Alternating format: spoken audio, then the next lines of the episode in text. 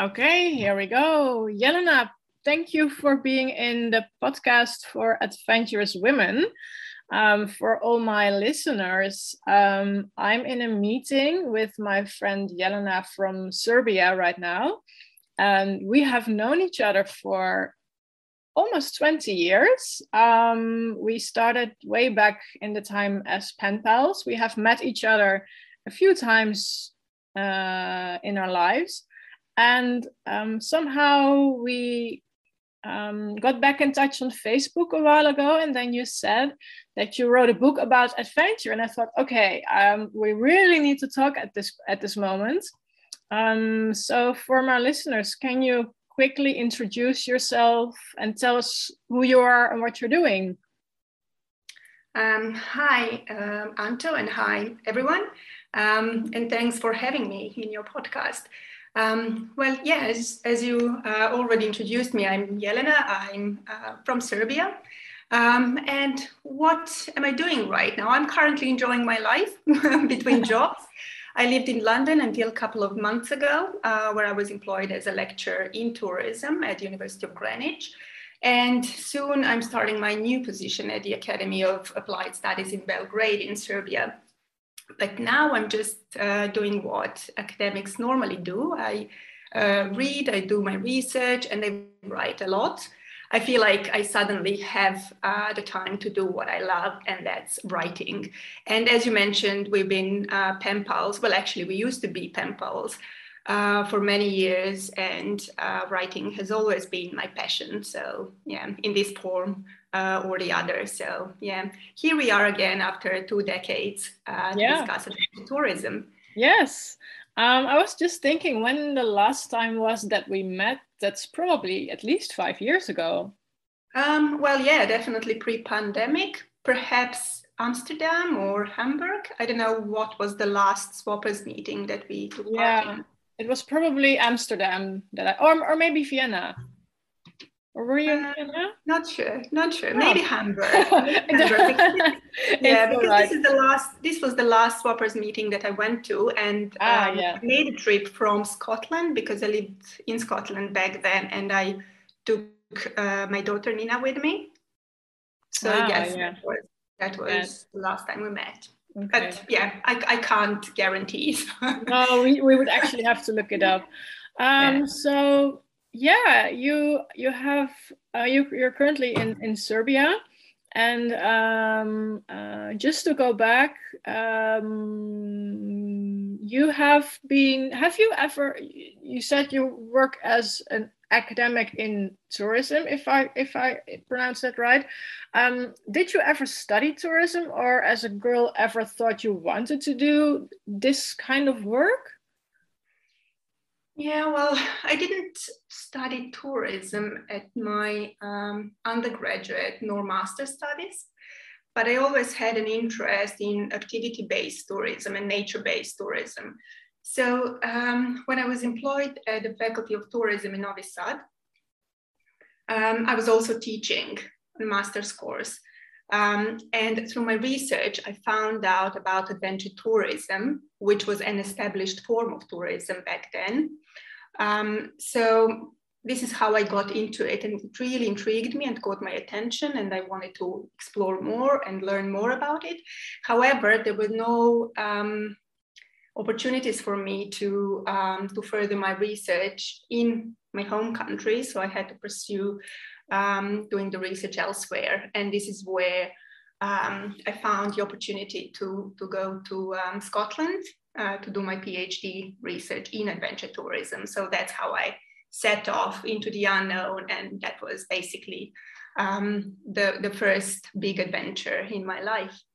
Wow, so you basically just moved from Serbia to Scotland and started a new life over there. Yeah, exactly. Wow. And how many years did you live in Scotland, more or less, before moving to London? Yeah, so um, Scottish life um, lasted for about three and a half years. Mm-hmm until I completed my PhD. So what happened after that is I returned home and I worked at the tourism organization of the city of Novi Sad for another year. But while I was um, working there, I was also um, I was in parallel doing my research and looking for academic jobs. Um, so yeah, basically I, I got a job uh, at University of Greenwich and moved back to the UK, um, where I spent another couple of years, uh, which coincided with with pandemic. Um, and yeah, that's it. And now you're back in Serbia after yeah. some years in London. Wow. After a couple of years in London, I returned to Serbia. Um, and here I am now, pursuing my next adventure. I wonder what that will be. Yeah, have you got any idea what you would like to do next? Well, as I mentioned, I, I got um, my employment at the Academy of Applied Studies in Belgrade. So that's me returning to academia, academia and, um, and getting back to teaching. And spreading the world, the word about adventure tourism. Exactly. so you wrote a book. That's basically the reason why I um, I proposed this podcast. Um, can you tell us uh, the title of your book um, and just we'll go to, into details uh, into details later but um, why did you write this book? And what's the name and why, why did you write it? Yeah okay so the uh, the book is entitled the adventure tourist uh, being knowing becoming. Um, and it's part of the of the series of the adventure uh, sorry of uh, the tourist experience uh, series by um, Emerald Publisher. And it was written by uh, me and my colleague, Dr. Maria Gebbels from the University of Greenwich.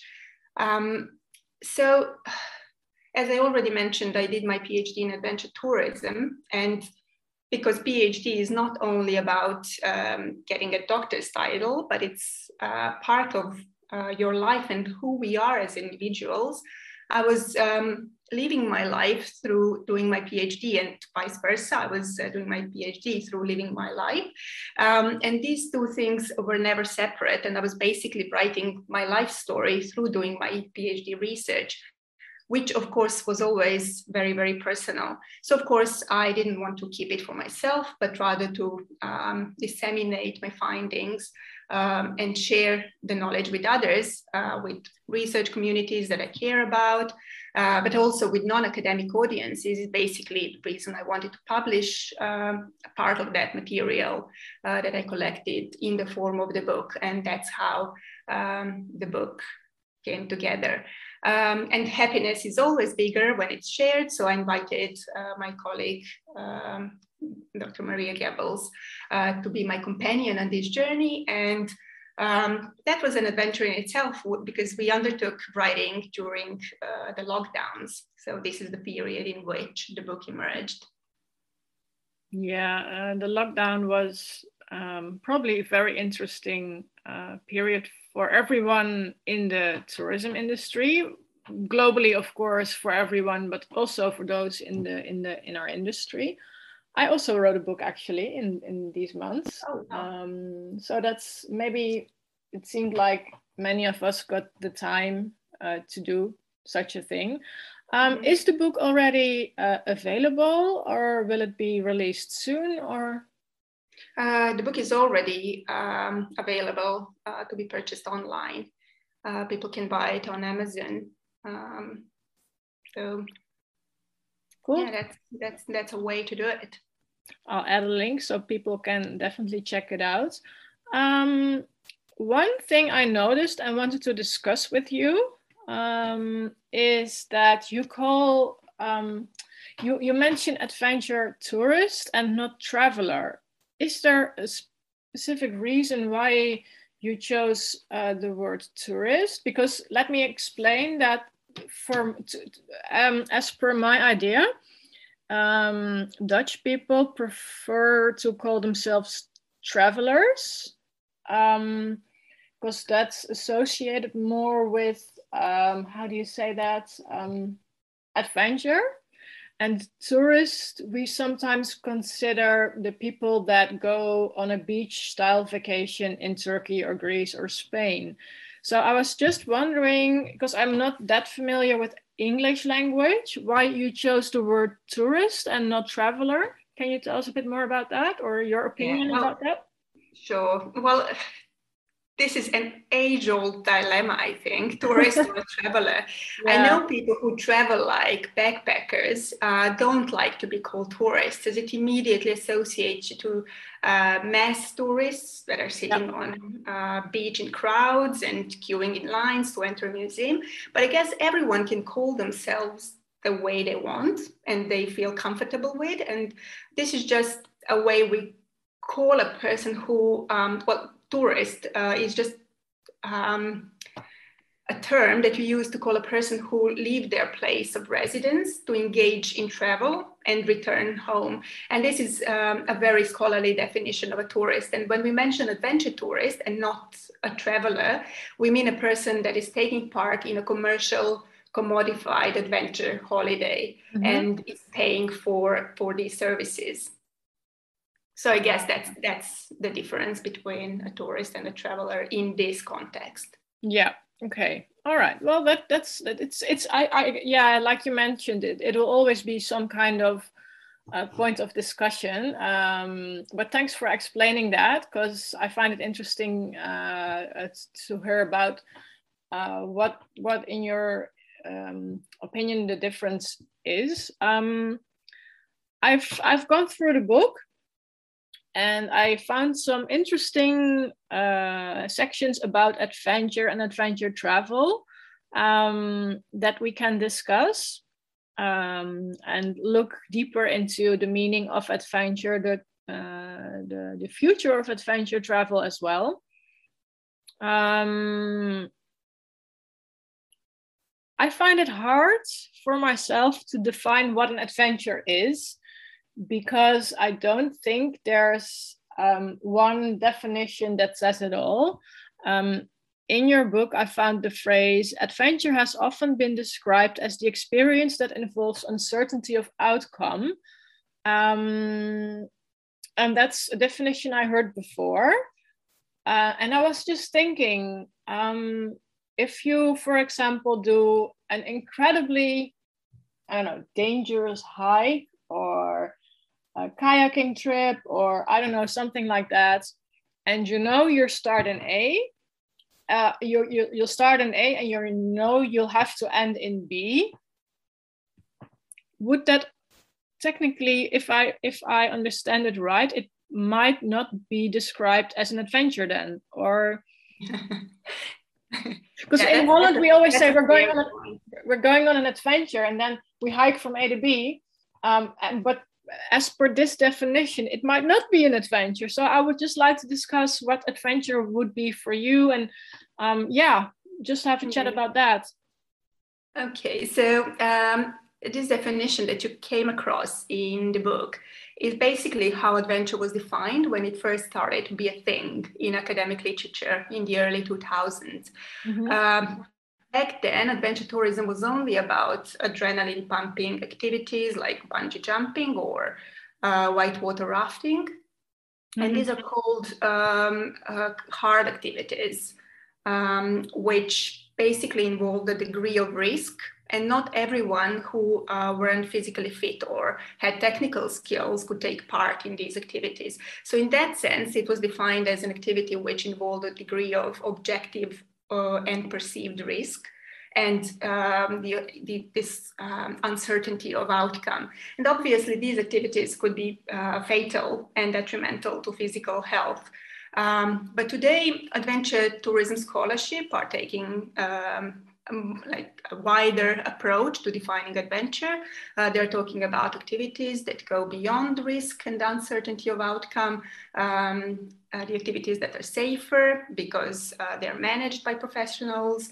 Um, and uh, the activity providers are um, also taking all measures to ensure um, their safe and convenient delivery, uh, basically to minimize risks and potential hazards.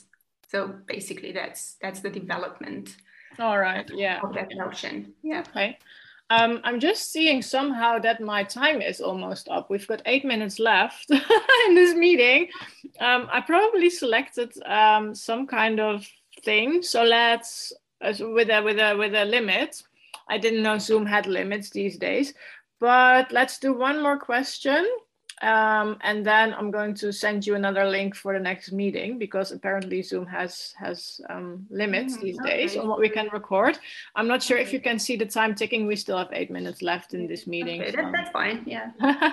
um, and another thing that you mentioned in the, in the book is that adventure travel is a trip um, that has natural, cultural, and physical elements, and um, it should basically also uh, have uh, two of the three uh, elements in order to be called an adventure travel. Um, I would, for example, say that jumping off a tower in Dubai would be an adventure, but it does not really, it, it's only a physical thing. I wouldn't really call it natural or, or cultural um, would you still call something like that an, an adventure? Yeah, well, it could be um, defined as an adventure. Again, by definition, it is um, all about getting out of your comfort zone. Yeah. Uh, so base jumping is not something you do on everyday basis. So this could be an adventure for someone doing it for the first time. Um, and that uh, definition again is a very broad view that World Tourism Organization uh, took in defining adventure uh, back in 2014, I think. Mm-hmm. So yeah, basically adventure is what you make of it. Yeah, I like that definition. Adventure is what you make of it. I think now that in the pandemic, many people have rediscovered adventure and also micro adventures. Exactly. Um, and adventure uh, is closer to home than you may actually um, uh, realize. Um, you previously also mentioned the element of risk. Um, I always find this interesting because um,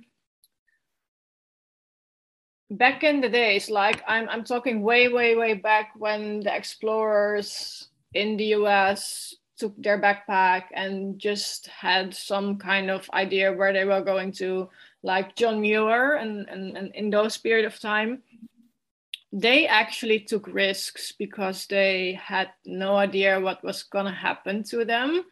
Um, and they had probably no idea what, what they were going to encounter on, on their on their way. Um, and I find that um, risk taking, um, an, an adventure maybe should have an element of risk. However, I feel that many people these days um, want to be as certain as possible. Um, so I'm just thinking, is a risk something that's always dangerous, or is it some more like something unknown? Um, mm-hmm. How would you? yeah, I'm just curious um, to learn more about the difference between risk uh, and, and something dangerous. Yeah, well, there's scholarship talking about risk um, in the context of, of adventure tourism. Um, it used to be a big thing um, in adventure tourism uh, literature, but it doesn't um, take the central place uh, anymore. Um, instead, broader experiential dimension is uh, taken into account. Adventure tourism providers are now offering activities that are safe to consume, but even though uh, for some, even um, having a hike uh, through wild nature can be perceived as risky because they don't know it.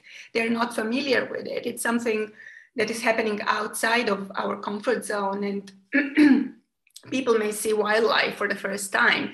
So, in itself, this can be perceived as risky for, for some um, uh, wild nature consumers, so to say. Uh, and for this reason, people purchase the services of tour operators or guides to minimize the so called perceived risk um, just in order to, to um, uh, have um, the protection and the guidance um, and also the convenient consumption of, uh, of the experience and participation in adventure sports.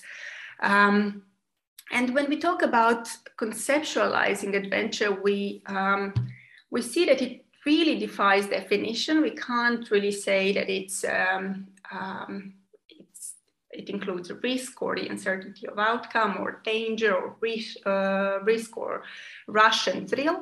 Um, it is really um, a complex and elusive phenomenon. And um, my colleague, Peter Varley, um, said that uh, we can observe adventure from a Apollonian perspective and observe adventure as a risk, as a challenge, and pushing the boundaries of the familiar. And we can also observe it as Dionysian um, pursuit um, and say that adventure is something like seeking difference and sensualities, sorry, um, romance, even convenience, comfort, and well-being uh, in the experience. So um, it can really be different things for different people. Um, however, uh, risk will always be an inherent uh, part of adventure tourism because there's always risks. Um, the difference is just the way uh, activity providers are um, uh, minimizing it in term, you know, in terms of safe and convenient uh, delivery of the experience. Yeah, and I also think that you can never really take out the risk factor. For example, if you walk through a canyon, there's always a risk of losing your footing, which has nothing to do with something being dangerous. Um, but there's always a risk of falling if you don't place your foot right in front of one another. Um, so yeah, um, that's that's an interesting way a, way to look at it, and I think that um, uh, that due to the fact that adventure travel has become more and more um, accessible for everyone, um, the risks have been lowered but conclusion will be that there will always be some kind of risk because you never know what you're going to encounter along the way. Exactly. exactly. Okay. Well we have one minute left in the time so what i'm going to do i'm going to switch this one off and then we'll meet again in a few moments for the second part of this podcast okay? So we are back for the second part of the podcast recording. Um, let's talk a bit about the um, uh, female and male side of things. I always find this a bit hard because I am being asked a lot, like, uh, uh why did you start a podcast for adventurous women, women? And because I know there's male listeners as well. And um, why uh, will you ever start a podcast for male men? And I've actually thought about that, and then I thought, no, I'm not going to do that. Oh, my cat wants to be come in. Just give me a second while I leave the cat in. Like I said, the um the um adventure is kind of different for men and women, I think, or it used to be in the past for sure. Um, how do you think that this has changed over the past decade yeah, maybe because the first explorers were men and the first people to climb everest were men. Um, how is this changing? And and um, is this changing you think and has it become more accepted that women do their own adventures and things? Yeah well as you said uh, firstly adventure tourism um, had a rather masculinist appeal um, and these qualities of um, rush and risk and danger and uncertainty of, of the outcome that we've uh, mentioned quite a few times in this podcast, um, they accounted for uh, the inherent elements of adventure activities and were acknowledged as the essential qualities in uh, the original terms of adventure. Um, adventure tourism um, has antecedents in military trainings and in boot camps uh, as well as in outdoor recreation. I think this is um, very important to mention. Um, and these activities entailed deliberate seeking of risk and uncertainty of the outcome. Um, and for this reason, um, they were viewed as, as rather uh, masculinist. So it then involved more uh, challenging so-called hard activities like parachuting and uh, mm-hmm. bungee jumping, rock climbing, mountaineering, and so on and so on. Um, and for this reason, there was this over obsession with the risk theory, and adventure was normally studied through this lens, uh, while the experiential dimension was um, marginalized, which was addressed by scholars later on. Um, so, um, yeah, I mean, adventure is quite gendered. Um, and outdoor environments and recreational activities that are performed in the outdoors have traditionally been uh, attributed to men. And in academia, remote um, landscapes have been often described as spaces that are primarily constructed for the male audiences. Um, and this notion of uh, remote areas, um, especially areas that we call wilderness, is seen as um, let's call it hyper masculine space, which originates from Western romantic ideals from the late 1800s when man was seen as, as a conqueror of the outdoors and a domesticator of wild spaces like, you know, um, people that conquered the Himalaya peaks and, you know, uh, the Antarctic um, deserts. Um, so these early uh, discourses of wilderness um, ascribed them um, the typically male attributes um, of um, risk and adventure and machoism, which uh, effectively excluded women from this domain. Um, and recent scholarly research on women and, and girls' participation in outdoor activities has highlighted um, the, the, male dominance uh, for decades, and um, they've repeatedly called for, for change. Uh, men uh, still constitute the majority of practitioners in many fields of adventure um, tourism. Um, and um, these are these stereotyped views of, of women as outsiders in outdoor uh, settings. Um, they, they still do exist, unfortunately. So, um, women um, definitely uh, face a number of constraints. Mm-hmm. Uh, yeah. that that prevent them from uh, full engagement in outdoor recreation and nature-based experiences such as uh, family obligations or fear or lack of time uh, or lack of financial resources, even sexual harassment, um, and even concerns that are related to adequate skills uh, or fitness um, are, are viewed um, as the constraints that uh, many women must overcome to be able to participate in outdoor activities. Yeah, yeah, you wrote a passage about this in the book um, uh, about that um, women do experience a sense of guilt for leaving their families and also doubt doubt their own physical capabilities uh, for uh, tasks during an adventure uh, or might not feel that they have the right uh, competencies or skills.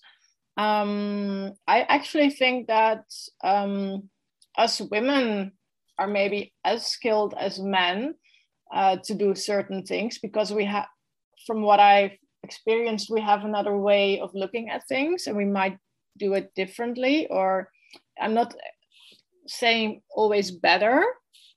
Um, yeah, but I do feel sad in a way that uh, it's still um, common that women feel fear of male violence or sexual harassment or vulnerable in the community.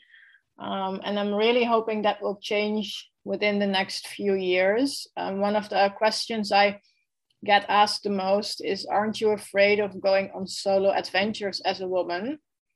Um, so yeah, it's it's an ongoing interesting discussion also here in the Netherlands, and I truly hope that many women will eventually feel safer, um, or at least safe enough. Oh, a helicopter is passing by super low.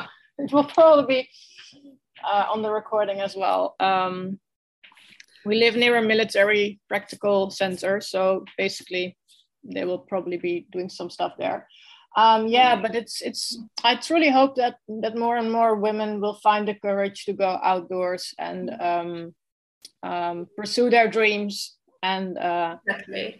Well yeah, yeah it, i think it's a good thing that uh, tourism allowed women to enter um, the outdoor spaces wild. Um, these um, hyper masculinized uh, spaces. Um, yeah, what I meant to say is that um, tourism um, allowed women to enter um, these uh, outdoor spaces uh, relatively safely. Mm-hmm. Um, so it's become a stepping stone for women to engage actively in outdoor activities. Um, and women are increasingly challenging these traditional norms of the outdoors um, as a typically male domain by facing the same risks as males um, like you did and you keep doing. Um, and um, the increased visibility of women in adventure tourism settings creates opportunities for um, support and acceptance and, and ultimately empowerment for, for um, female adventurers. So I think tourism um, is a nice uh, context for that. Yeah. Totally agree with that. Um, Let's talk a bit about slow adventure because there's also a section in your book about slow adventure. Uh, I noticed this is an is a term that has been picking up, and more and more people are seeing the benefits of of, of um, slow adventure. Uh, how would you typically describe what a slow adventure is, and how does it differ from a fast or regular adventure? Well, uh, slow adventure is a concept of travel that emerged from adventure tourism and followed the philosophy of slow travel. Um, so it started off as an academic concept and um, led to one large transnational project, uh, Slow Adventure in Northern Territories, in which I was engaged as a digital marketing officer while I was living in Scotland and doing my PhD in uh, the Center for Recreation and Tourism Research. Um, so the project included partners from seven Northern European countries, uh, namely Scotland, Northern Ireland, Ireland, Iceland, Sweden, Finland, and Norway. Is it seven? Yeah, that's that. I think seven. so, yeah. Uh, um, so the main goal of this project was to cluster SMEs, small and medium enterprises, um, in these destinations and encourage them to jointly develop a tourism product and market it through a transnational digital marketing campaign. Um, so this project again uh, spun off into a company called Slow Adventure Limited that only uh, continued uh, to further commercialize this idea beyond Arctic uh, and Northern territories to now uh, include Italy uh, and other countries. Um, we see some developments here in the Balkans as well. Um, so um, they're being increasingly, increasingly encouraged to um, um um, to take part in this process of uh, development um, of their own slow adventures. Um, so the project aimed at developing um, the ethos and philosophy that is very much into uh, slow food and slow cities mm-hmm. Um, and slow travel moments. Um, and it include in its business model, in, it includes uh, the regeneration uh, this regenerative aspect of tourism, uh, paying back to the community, to local communities and nature um, through donations, which is a, a really clever uh, thing to do, I think. Um, yeah. So, slow adventure is basically a cultural shift. Uh, it very much relates to the situation in which we have been in, in this pandemic. And you see a lot of debates on what tourism may look like post pandemic. So, slow adventure uh, as an antithesis of fast adventure or mass tourism uh, may offer a response to that.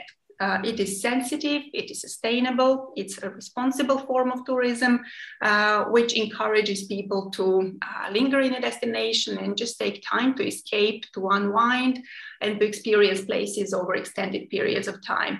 And what is um, really important, experience the place on their own terms.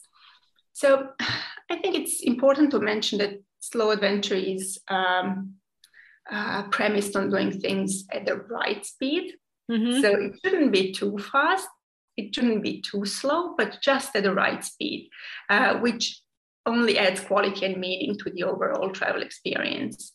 Um, if we talk about slow adventure as a um, as a tourism product. Um, it's definitely a quality product. It is not cheap, uh, but it provides uh, good quality for money. Um, it also gives people time and space to experience for themselves what um, this actually means for them. And also, um, it encourage, uh, in, encourages them to share these experiences with others. Yeah. Uh, and that helps build this social capital and and you know um, share these experiences in real life but also in virtual spaces. Um, so there's this uh, little hashtag slow adventuring um, that is being used to uh, disseminate slow adventure experiences in virtual communities. Um, so in slow adventure context uh, the quality of novelty is important. Uh, doing things for the first time uh, a new way of doing something in nature um, is um, a huge draw for tourists as well. Um, then also being responsible for nature and, and uh, that sense of um, um, respecting nature is uh, reflected in the idea of, of eco empathy, which uh, Slow Adventure uh, really emphasizes. So basically, that's Slow Adventure in a nutshell. All right. Yeah, it's. I think I, the term is becoming more and more common um, all over the world, and I truly hope that we can engage in more slow adventures. Also, for for example, for the local people, um, and that we choose maybe the more expensive. I mean, you said it's it's it's usually more pricier. Um, and I hope that the pandemic has made us realize that um, without local people and local communities, there may not be travel possible at all. So I'm hoping that we will engage in more slow travel and slow adventure in the future for sure. Yeah, exactly. And, um, the emphasis is placed on hyper local experiences and micro adventures that you've already mentioned earlier. So um, yeah, that might be the future of travel anyway. Okay. Um, you also wrote a section about guiding in this book. Uh, I was an assistant tour guide on one trip uh, many years ago, and I thought, oh my God, this is exhausting. Um, and I actually think that I didn't realize back then how many tasks you would have as a guide. So I wanted to include this this section in the podcast to make my listeners kind of see how hardworking the job as a guide is. Um, and I was just wondering if you think that what the main task for a guide would be. Uh, you mentioned that guiding is one of the oldest professions. Um, and what, what the main task would be for a guide on, a, on, on an adventure trip and whether you think guiding has changed over the past years with the world ever changing, of course. Yeah, um, outdoor guiding is definitely uh, a very challenging task. And um, yeah, when we talk about adventure tourism, we, we really need to acknowledge the role of the guides.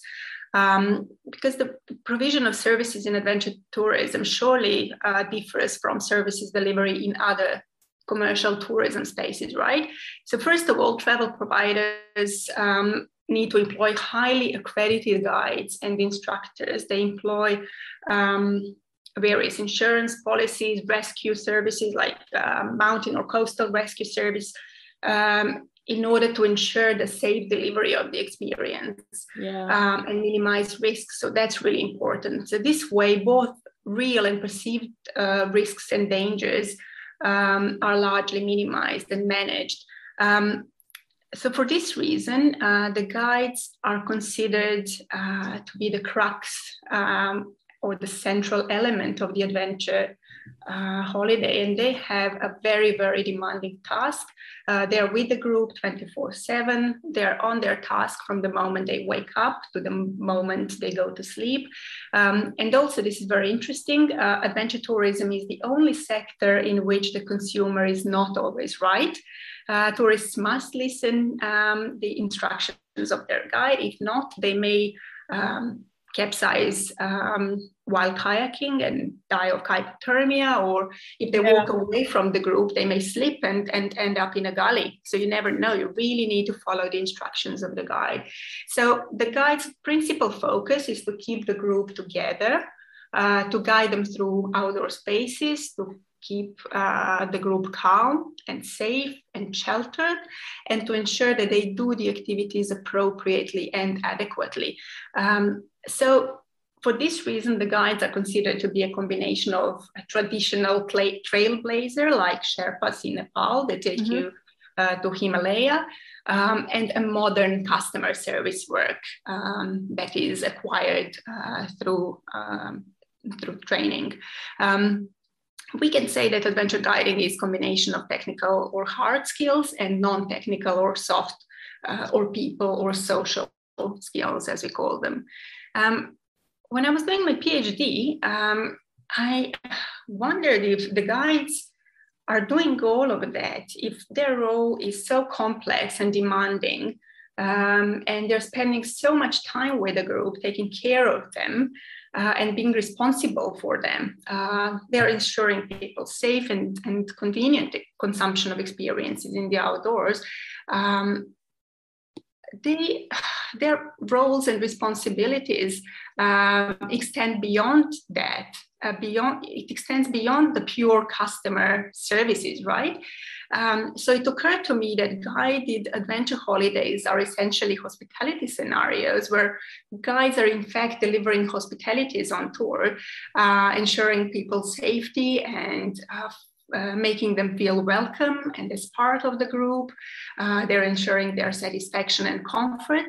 Uh, so they're basic, basically hosting them on commercial outdoor guided tours. So basically that, um, that was the focus of my PhD research. And I specifically interrogated outdoor guiding as commercial hospitality work. Yeah, yeah, I think that that we often underestimate how many tasks and roles a guide actually has. So not just ensuring you are safe and comfortable, but also kind of psychological in in a few exactly. ways. And he's a cook and a teacher and uh, and uh, well and an and everything. So or he or she.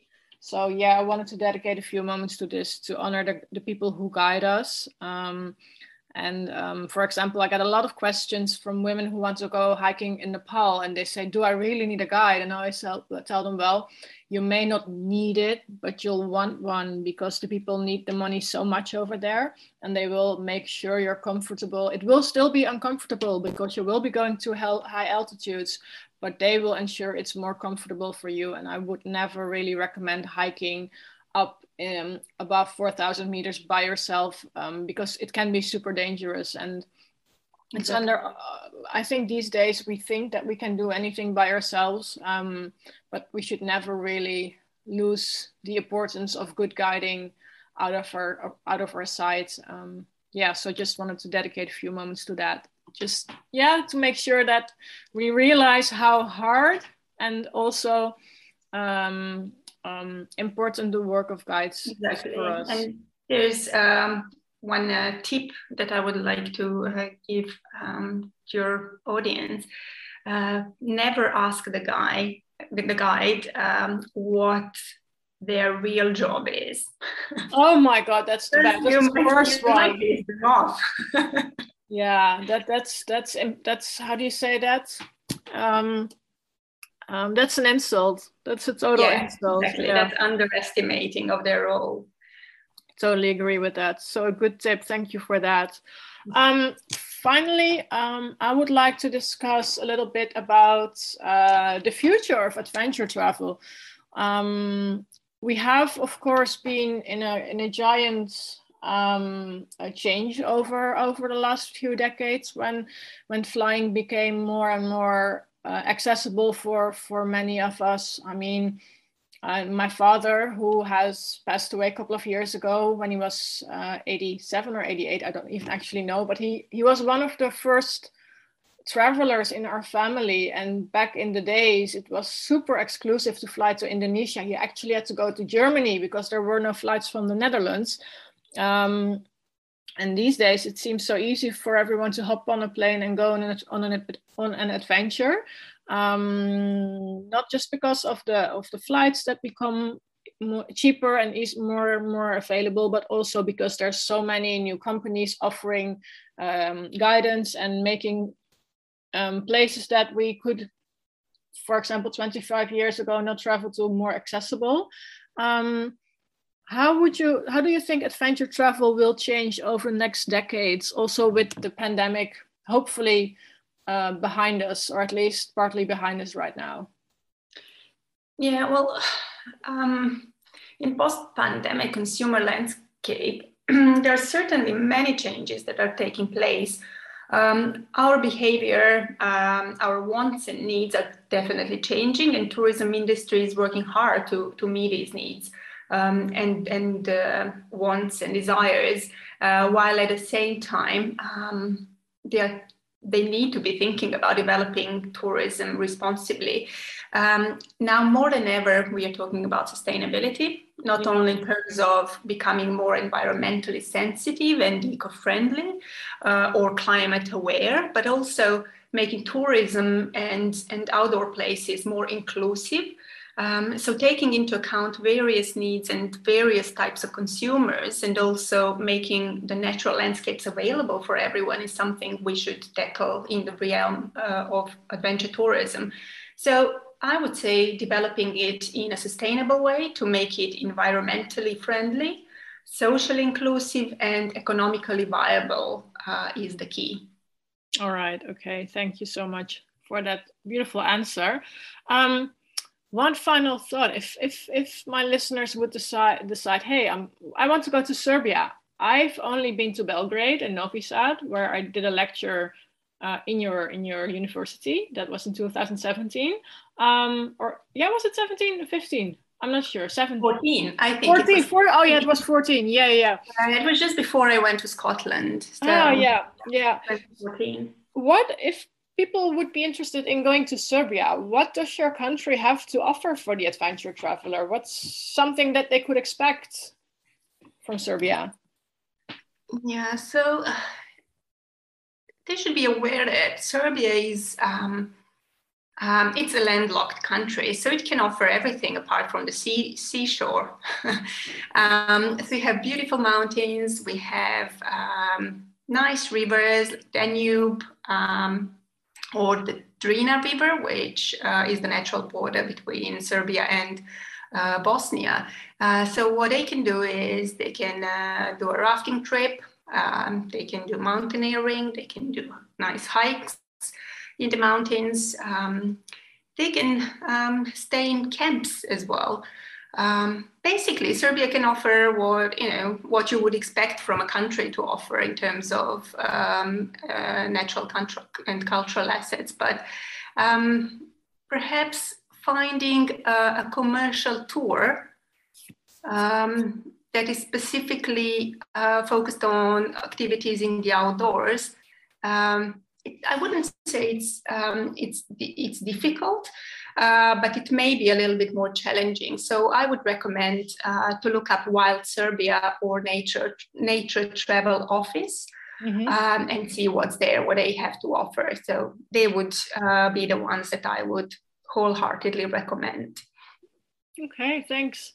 Um, is there any final thoughts that you would like to share with my listeners? Yeah, we can just uh, reiterate um, the meaning of adventure um, we agree that uh, adventure is definitely what you make of it. So keep your heart and mind open and take care of yourselves while out there in the wild. Yeah, I think that's a beautiful way to end this podcast. Thank you so much for your time. Um, and I'm sorry about the disturbing the cat, the helicopter, the recording. Um, but I'm sure we made something yeah. nice to listen for my my women, uh, my listeners. Um, hopefully, they might be listening when they're biking or hiking. Um, if there's anything that w- they would like to know, do you have like a website where they can learn more about you, or um, or what your social? Is there a social media where they can, they can learn more about you and your book and your writing? Yeah, well, um, I do have a website, uh, which is my name, surname.com. So it would be jelenafarkic.com. Uh, dot com. um, shall I spell it? I will, I will um, add it to the show notes so people can automatically click on it. So that should be fine. Okay, and um, you can find me on, uh, on Instagram, um, also using my name and surname. um, or LinkedIn for professional um, exchanges. All right. Well, thank you so much. Um, I truly hope we get to meet again in the future. It's been way too long, I think. Yeah, and, I think it's um, the high time that we met again somewhere. Yes. Yeah, we should. We should. Thank, thank you for your time, and I wish you all the best of luck with your new job in in Subic and and your writing, of course. Thank you very much for having me, and um, I wish you all the best. Thank you. See you soon.